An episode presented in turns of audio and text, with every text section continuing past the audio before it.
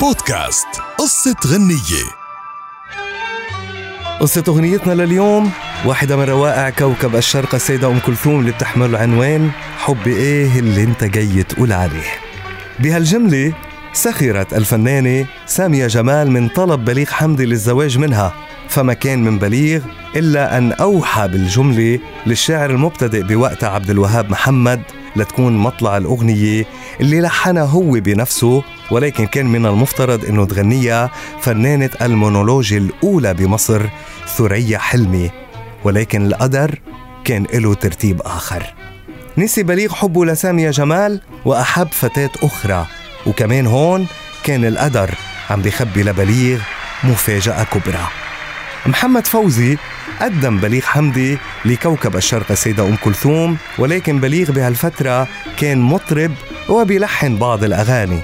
وكان شاف فيه محمد فوزي جانب إبداعي واعد. ولكن كيف تطورت علاقة أم كلثوم مع بليغ؟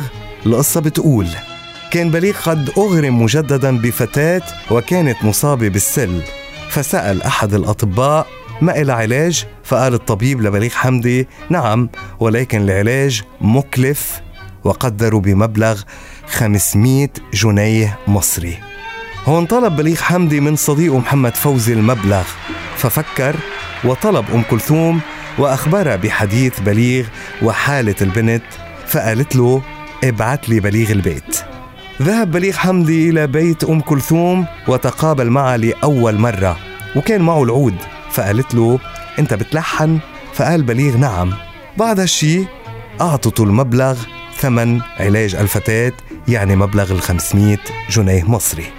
أخذ بليغ هذا المبلغ وذهب إلى الفتاة وكل فرح لأخذ إلى الطبيب للعلاج. ولكن فوجئ بأن روحة صعدت إلى بريئها حزن بليغ جدا وعاش مع هذا الحزن لفترة طويلة.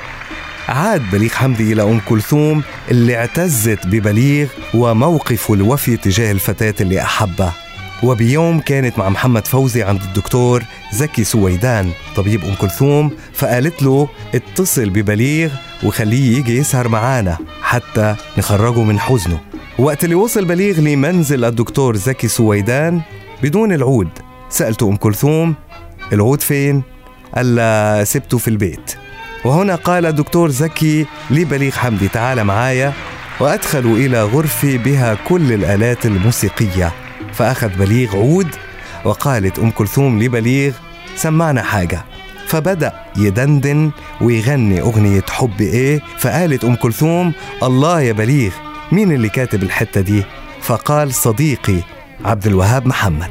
فقالت له بكرة هاتوا معاك. فأخبر بليغ صديقه عبد الوهاب محمد أنه المعزومين على منزل كوكب الشرق. عبد الوهاب محمد ما صدق إلا لما وصل إلى بيت أم كلثوم فقال له اطلع قبلية وقت اللي طلع بليغ وناداله من البلكون صدق عبد الوهاب محمد إنه أم كلثوم أرسلت وراءه.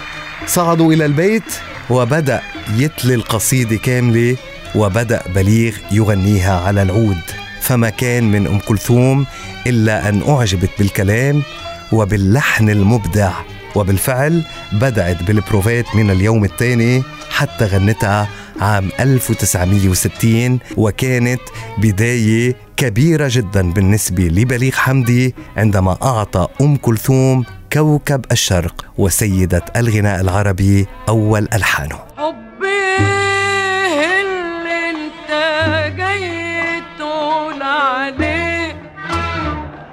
عارف قبلك معنى الحب إيه؟ بودكاست قصة غنية.